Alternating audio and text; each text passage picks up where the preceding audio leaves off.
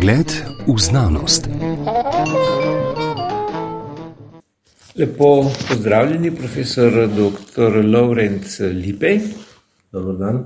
Nedavno sem dobil v roke vašo knjigo, ki je pravzaprav zborniček, eh, zbir dobrih dveh desetletij vaših, eh, lahko bi rekel, esejev, objavljenih ob eh, petkih, po večini v časniku Primorske novice, z naslovom Podobe iz Modrine, z lepo fotografijo glave delfina, ki plava skozi modrino morja.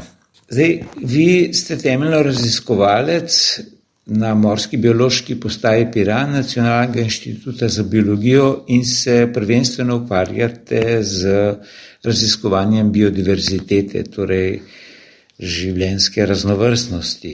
V tej knjigi, kjer je od vaših približno 400 eh, petkovih esejev o življenju, ne samo v morju, ampak tudi na kopnem, v Sloveniji, v Jadranskem morju, ob Jadranskem morju in v svetovnih morjih.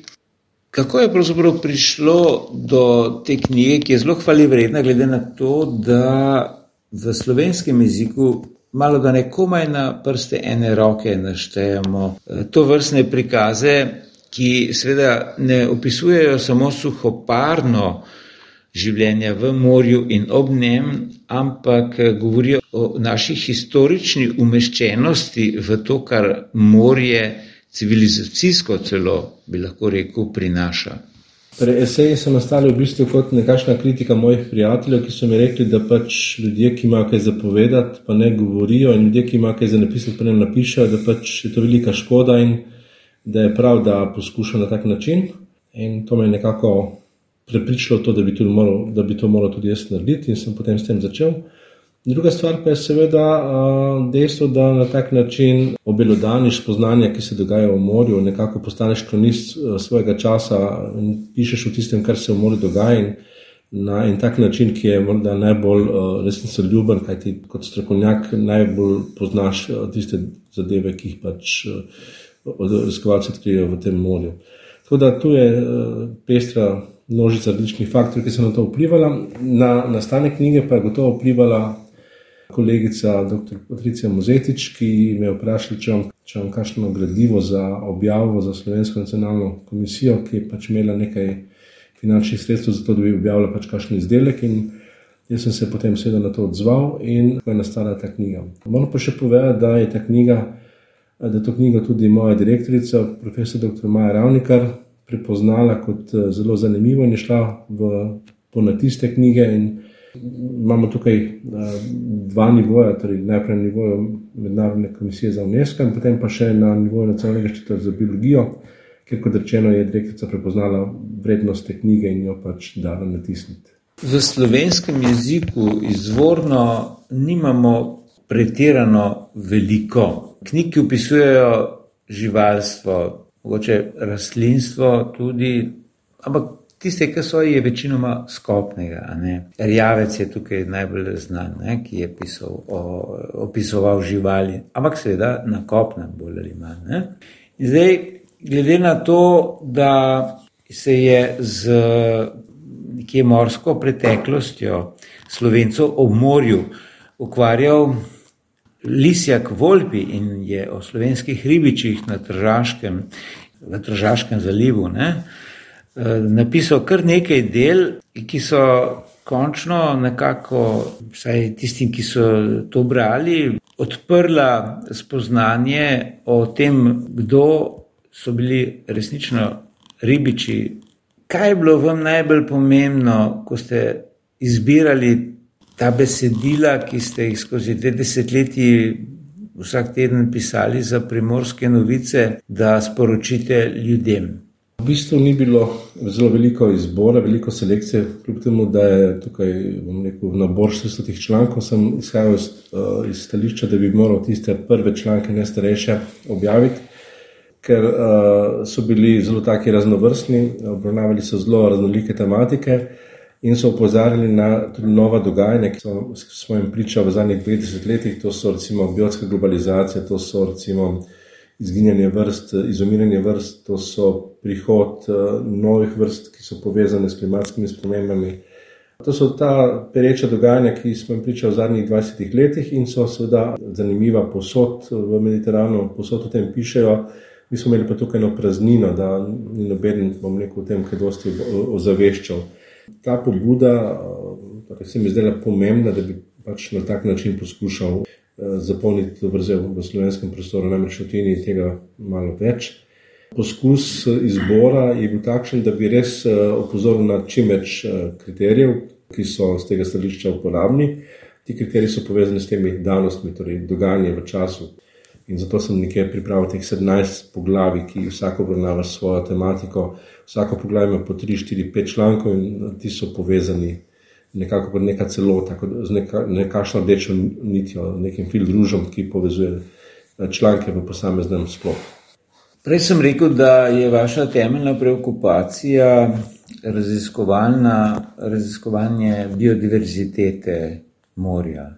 Vi sodelujete v projektih dolgo, dolgoletno že, med drugim tudi na otoku Mljet. Na kakšen način raziskovalec, kot ste vi, potem se odloči za izbor takih bolj poljudnih esejev, ki pa še vedno ohranjajo raziskovalna spoznanja o morski biodiverziteti. No, ko ste omenili otok Mlet, počutim se rekel, nekako kot nekakšnega izbranca, da imam to priliko, da raziskujem pestrost otoka Mleta. Tukaj gre za izjemen, zelo bogat otok, v bistvu otok, ki je ostal v času in imam veliko srečo, da me hrvaški kolegi iz Univerze v Zagrebu in uh, uprave nacionalnega parka nekako vabi, da skupaj z njimi raziskujem te danosti.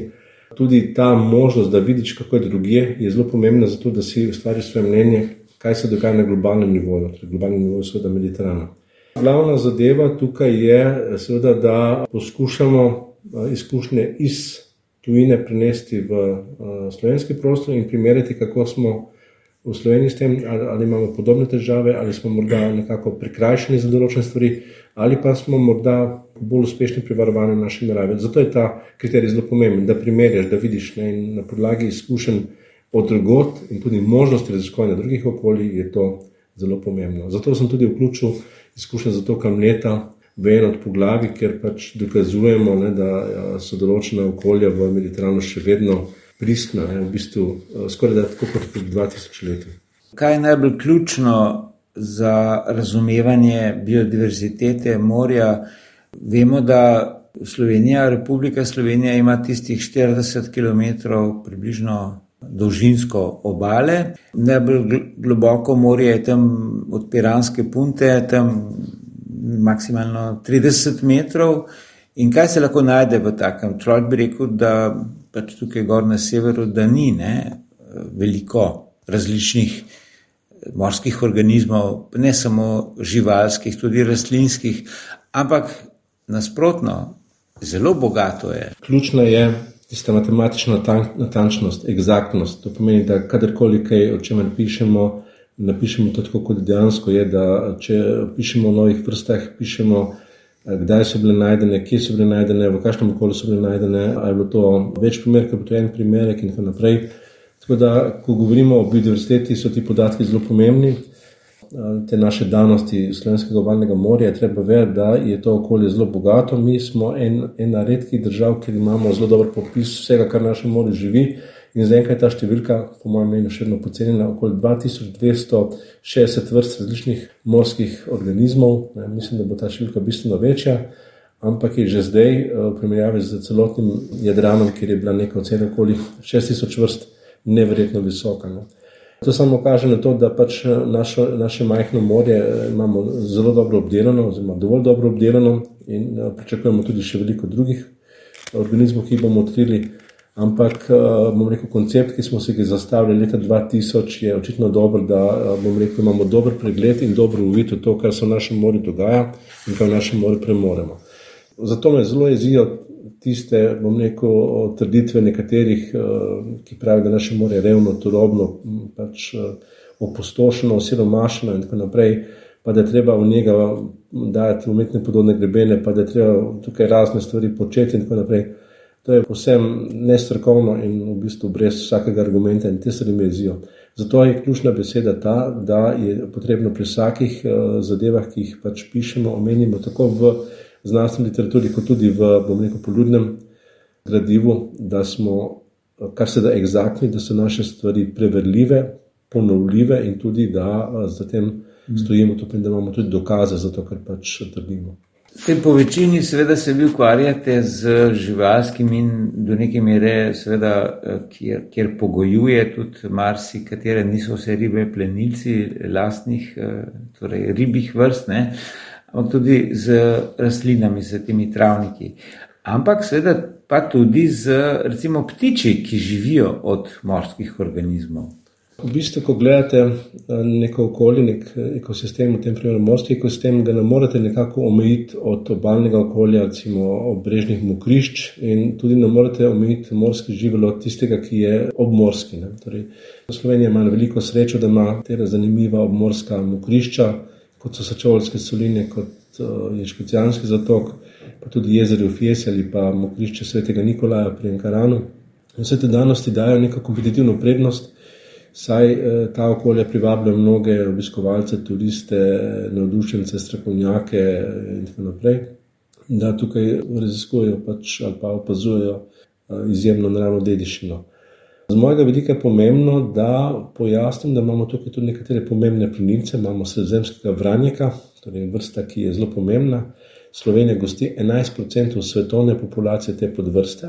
Ta populacija je prisotna tukaj nekje po letu, torej na koncu stoletja se je pojavila tukaj, zdaj je tukaj redno prisotna in je zelo pomembna, kajti, kot rečeno, je tukaj grupirana velika, torej velik del populacije.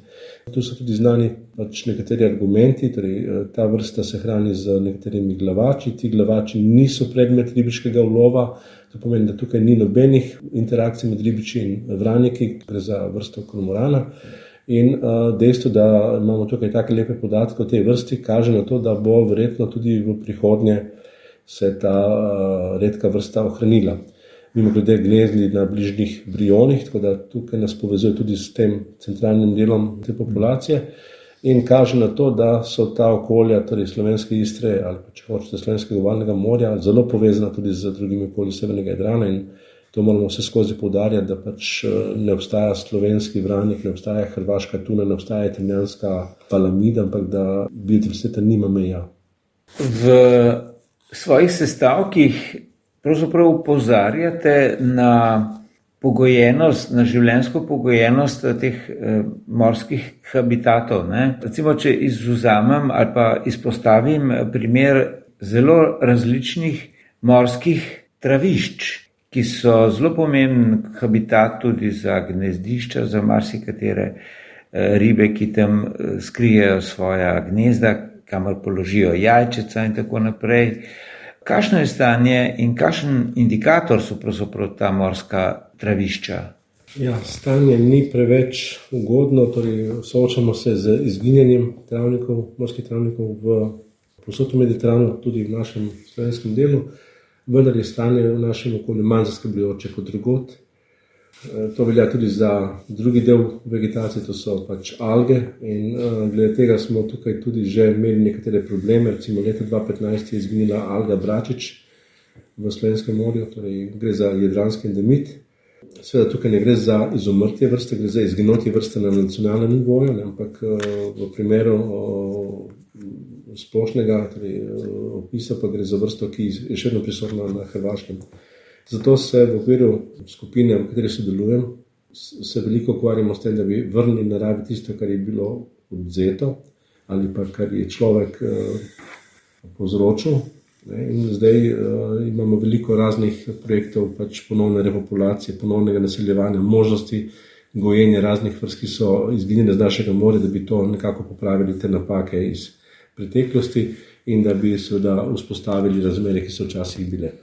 Ne smemo pozabiti, da je naše more še vedno kljub vsemu zelo pestro in uh, to se lahko vsakdo prepriča, dovolj, da si natakne masko in plavutke in, uh, in ima pred seboj zelo pester svet, ki, kot rečeno, marsikaj v Zahodnem Mediteranu že hitro izgine. Prej sva ošvrknila Škocijanski zatok, ki je pravzaprav človekova tvorba umetna, ker nekoč je bil Koper otok, potem pa po vojni s tem bliskovitim razvojem luke je postal tam v 80-ih letih smetišče. Ne? No, in uh, Društvo za opazovanje ptic na čelu je potem poskrbelo za to, da imamo zdaj nekaj, kar je seveda izjemno lep primer biodiverzitete, ne samo zaradi ptičev, ampak tudi zaradi množice drugih organizmov. Tam branzini zdaj spet lovijo manjše ribe, in tako naprej. In tako naprej. Uh, to se nanaša na esej z imenom Grdi raček labod postane. Uh, tu sem se še posebej hotel pokloniti vsem tem, ki so kakorkoli prispevali k temu, da je to zavrženo, če lahko tako rečem, pozabljeno, mokrišče postalo res primer enega uspešnega modernega eh, zavarovalnega okolja, ki privablja vsak dan veliko število opazovalcev, ki ima veliko za pokazati, ki dejansko je en tak biser varstva narave, pa ne samo v slovenski isti, ampak tudi v Sloveniji. Kot rečeno, pač tukaj sem poskušal res na tak doživeti način opisati uh, ta prizadevanje teh ljudi in tudi se jim pokloniti za njihove napore ker eh, konec koncev tudi sam redno zahajam večkrat na mesec v to mokrišče in uh, si dam duška. To pač se veste, mi nimamo Tivoli, nimamo ljudskega vrta na obali. In kašenkrat so ravno take škocijanske zatoke, pa so čovske so idealne okolje, ker se lahko sprehodiš, eh, daš misli na pašo, malo fotografiraš, pa eno, ali pa enostavno razmišljaš, ali pa opazuješ. Ne.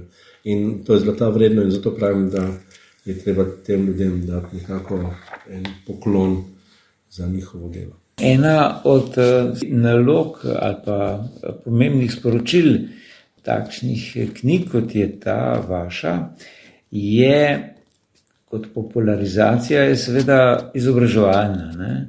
Slovenci dolgo časa niso bili pomorsko ljudstvo. Ne? Vprašanje je, koliko so še danes, ne? razen tega, da so turistično na morje vezani tisti slovenci, ki so pač imeli to dolgoletno morsko izkušnjo, so pač ostali na drugi strani meje. Ne?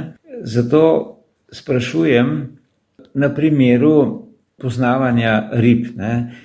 Ni neznano, da morska biološka postaja sodeluje tudi v nekakšnih projektih za popularizacijo poznavanja, spoznavanja in seveda znanja priprave rib. Nedavno je bilo nekaj, en tak zaključek tukaj na morski biološki postaji proti koncu lanskega leta. Kaj mislite, da je najbolj pomembno za unaprej, da bi ljudje tukaj v Sloveniji, ki še vedno v poprečju mislijo, da je morje neka turistična, v osnovi turistična destinacija in da so ribe jedi specialiteta, čeprav cene to dokazujejo, to ni več navadna hrana, a ne za reveže, kot bilo, so bile določene ribe nekoč. Ja, to je ena tematika, ki mi je zelo pri srcu, po drugi strani pa je to žalostna tematika. Namreč eh, mi imamo od leta 1999 reden monitoring ribih eh, vrst v našem delu Jadrana. Imamo več kot 1700 transektov upravljenih, to pomeni, da imamo natančno stanje o gostotah obrežne ribe z družbe v bistvu v zadnjem 20-letnem, eh, še malo več 24-letnem obdobju.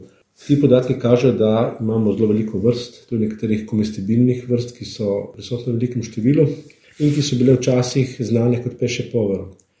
V teh esejih, ker sem pisal o tem problemu, ti eseji so meni osebno zelo zanimivi. Namreč eh, veliko sem si dal duška in prebral celo nekatere vire, ki so bili zelo stari, torej eh, starega plinja starejšega, bral sem uh, traktate Juvenala, prebral sem marsikaj, recimo, kako je bilo včasih tega. Ne? In sem prišel do različnih zanimivih spoznanj, da recimo je bradač ali kot reče trilja od kamena Hrvate, da je bil včasih najbolj pomembna riba sploh v Mediteranu. To je bila riba, to je bila tudi prva riba, ki so jo v zgodovini človeštva prilovili in so morali stari rimljani loviti celo na korziki, ker jih ni bilo več v italijanskih morjih, oziroma rimskih morjih tistega časa. Mm.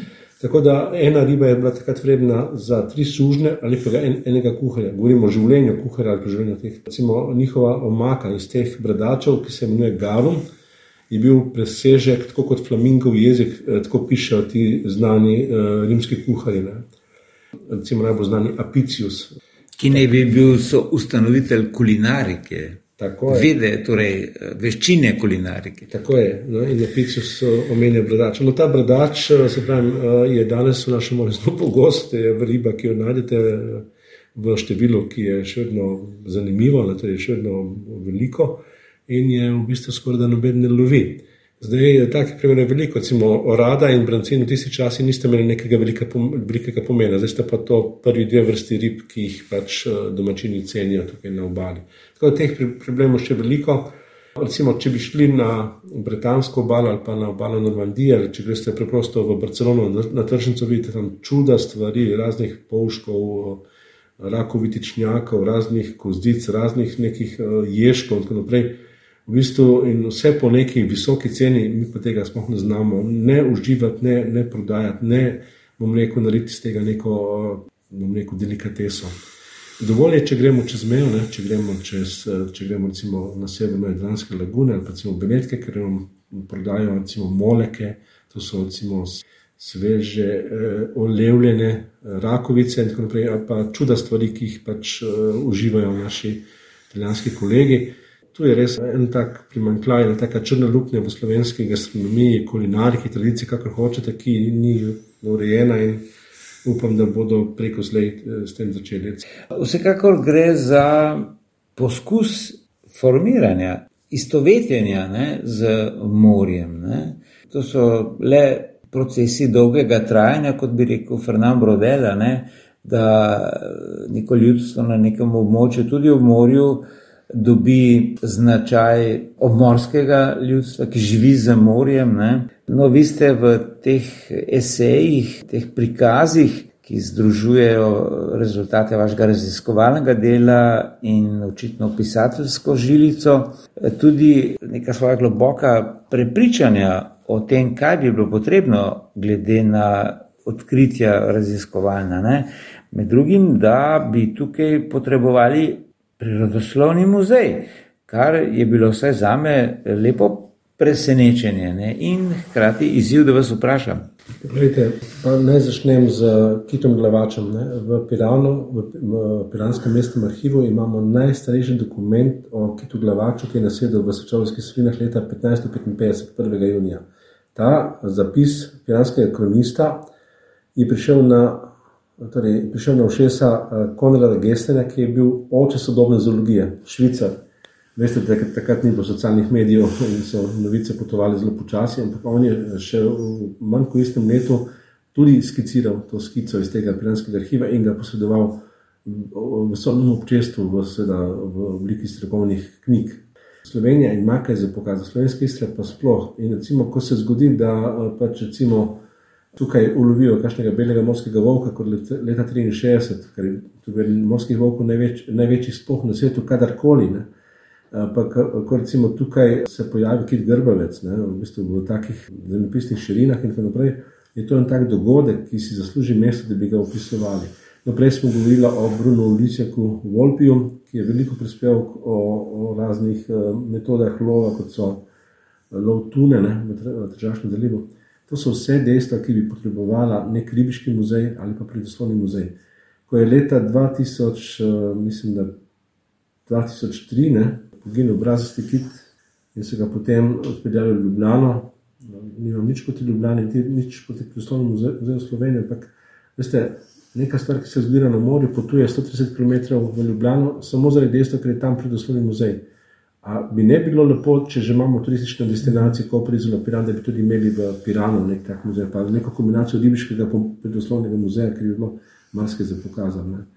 Uh, torej, to ni moja ideja, ne? to so ideje drugih, recimo kolega Simič iz Pirana ima to idejo že nekaj časa, kolega Marjan Kralj je naredil muzej uh, preko Canke Rex, ponos italijanske mornarice, ki so jo Angliji bombardirali leta 1944 in tako naprej.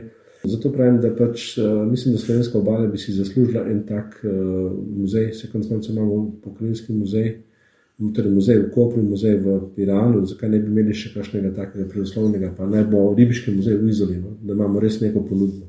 Zdaj večkrat ste omenjali imena, ki jih seveda ljudje uporabljajo, uporabljamo za recimo temu isto vrsto rib. Ni neznano, kako se ta imena ne samo v različnih jezikih, ampak tudi v različnih delih istega prevladujočega istega jezika.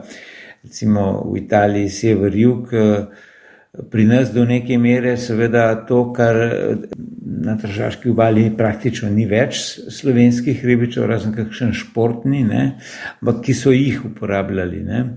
In seveda Istra, otoki in Dalmacija, pač, kjer je hrvaški jezik, mi smo v veliki meri po vojni prevzeli za veliko rib hrvaške izraze, obstajali so pa že iz tržaškega slovenskega. Čeprav so bili podobni pač beneškim ali pa tudi ne. ne?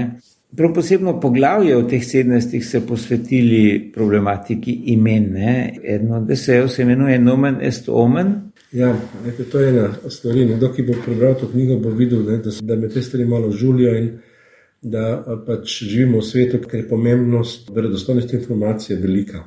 Torej, če meni nekdo reče, da je videl morskega pajka, ne vem, kaj je videl. Je videl ribo, je videl rakovico. Če mi nekdo reče, da je videl morskega zmaja, se ne vem, je videl manto ali je videl uh, vrsto v bistvu predmene ribe, ki je tudi strupena in tako naprej.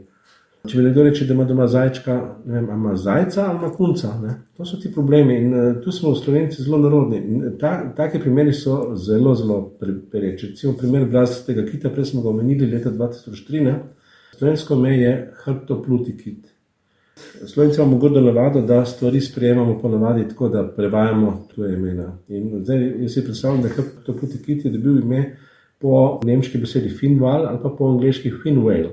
Ampak grozljivo je to, da ta hrbtna plavut je pri brazastem kitu zelo majhna, niti ni merodajna, tako da se, ni to velika stvar. Ne? Veliko lepše je brazasti kit, ker se brazde na, torej, lepo mm. vidijo na, na spodnji strani telesa. Očitno je prišlo potem iz tega hrbtoplavutega kita, kot smo prevedli Finwell, torej hrbtoplavutega kita, je prišlo do kakšnega elektronskega posega in je potem prišlo do hrbtoplutega kita. In jaz se spominjam, ko sem osmo razred osnovne šole, vem, da sem nekje videl na neki, mislim, da delni, delni zvezek ali uh, morda celo knjiga biologije za osmi razred, da se tega ne spomnim natančno, pa naj mi oprostite glede tega, da so kazali tega hrbtoplutega kita, ko plava hrbtno. To je pa že problem, ne? to je pa že popačena informacija in take informacije seveda ne sodijo v osnovno šolo.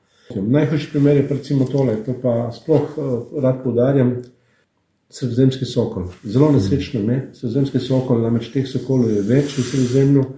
In uh, vsi ostali narodi imajo lepo ime Eleonorin sokol, torej, uh, po angliško uh, Eleonoras Falcon, po nemško Eleonorin Falcon, po italijansko Falcone della Regina, kraljičen sokol in tako naprej. Na ta način so se ti narodi poklonili kraljici uh, Eleonori Arboreski, ki je leta 1492 pač zaščitila tega sokola ki so ga pač ogrožali, eh, torej tisti, ki so kradli jajca in tako naprej. Zakaj ne bi imeli v Sloveniji ime Eleonoren Sokol ali pa Kraljičen Sokol? Na ta način bi se poklonili kraljici za njeno pač dejanje, pa ne samo zaradi tega, se to ni pomembno, ampak to ime ima zgodbo, ne? je zgodba, zgodba, ki je zadaj in vsako latinsko ime ima lahko neko zgodbo. No, glede imen, eh, še neka zanimivost. Izkaže se, da to, kar v slovenščini pomeni jasno, kar rečejo ne mara v zadnjem stoletju, v hrvaškem jeziku, eh, rarok in obratno. Ne. Če mu ne rečemo rarok, eh, torej ta brez klešč, ne, rečejo oni jasno. Pa nekoč ni bilo vedno tako, ne. tudi v 16. stoletju na hvaru. Ne. Ta esej sem izbral v to množico, da zbornik zato, ker sem dobil pismo od nekega prebralca primorskih novic iz opatega sela. Ta gospod je rekel, kaj je zdaj prav, a je prav jasno, ker je prav uh, raro, ker jaz sam nisem vedel. In sem šel to raziskovati in sem prišel, bom rekel, do različnih spoznanj. Ta spoznanja so vsega zelo torej zgodnja obdobja, recimo obdobja Pavla, pardon, Petra Hektoroviča, skvara, strokovnjaka, ki je že med leti, torej v 16. stoletju se ukvarja s temi stvarmi. In uh, takrat so bila imena tako v Sloveniji kot uh, na Hrvaškem ista. Jasno, ki bo jasno, da tisti sklešči, raro, ki bo tisti brez sklešča.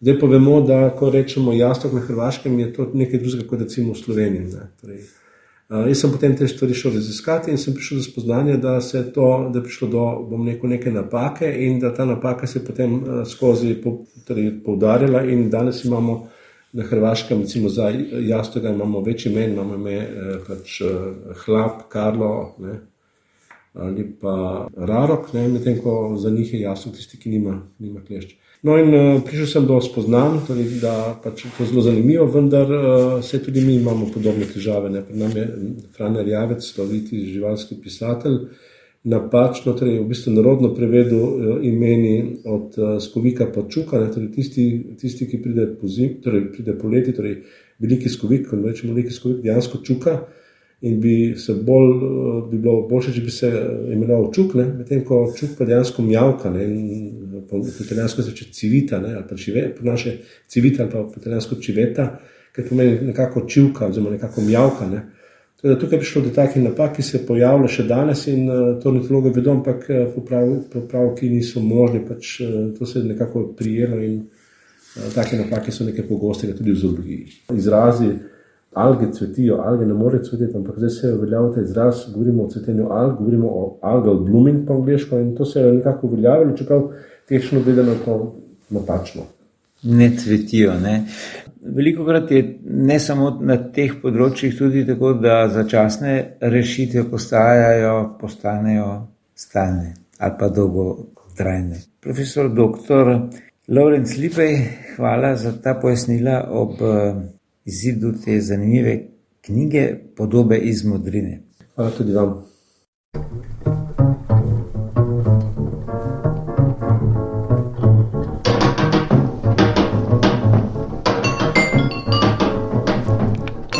Pogled v znanost.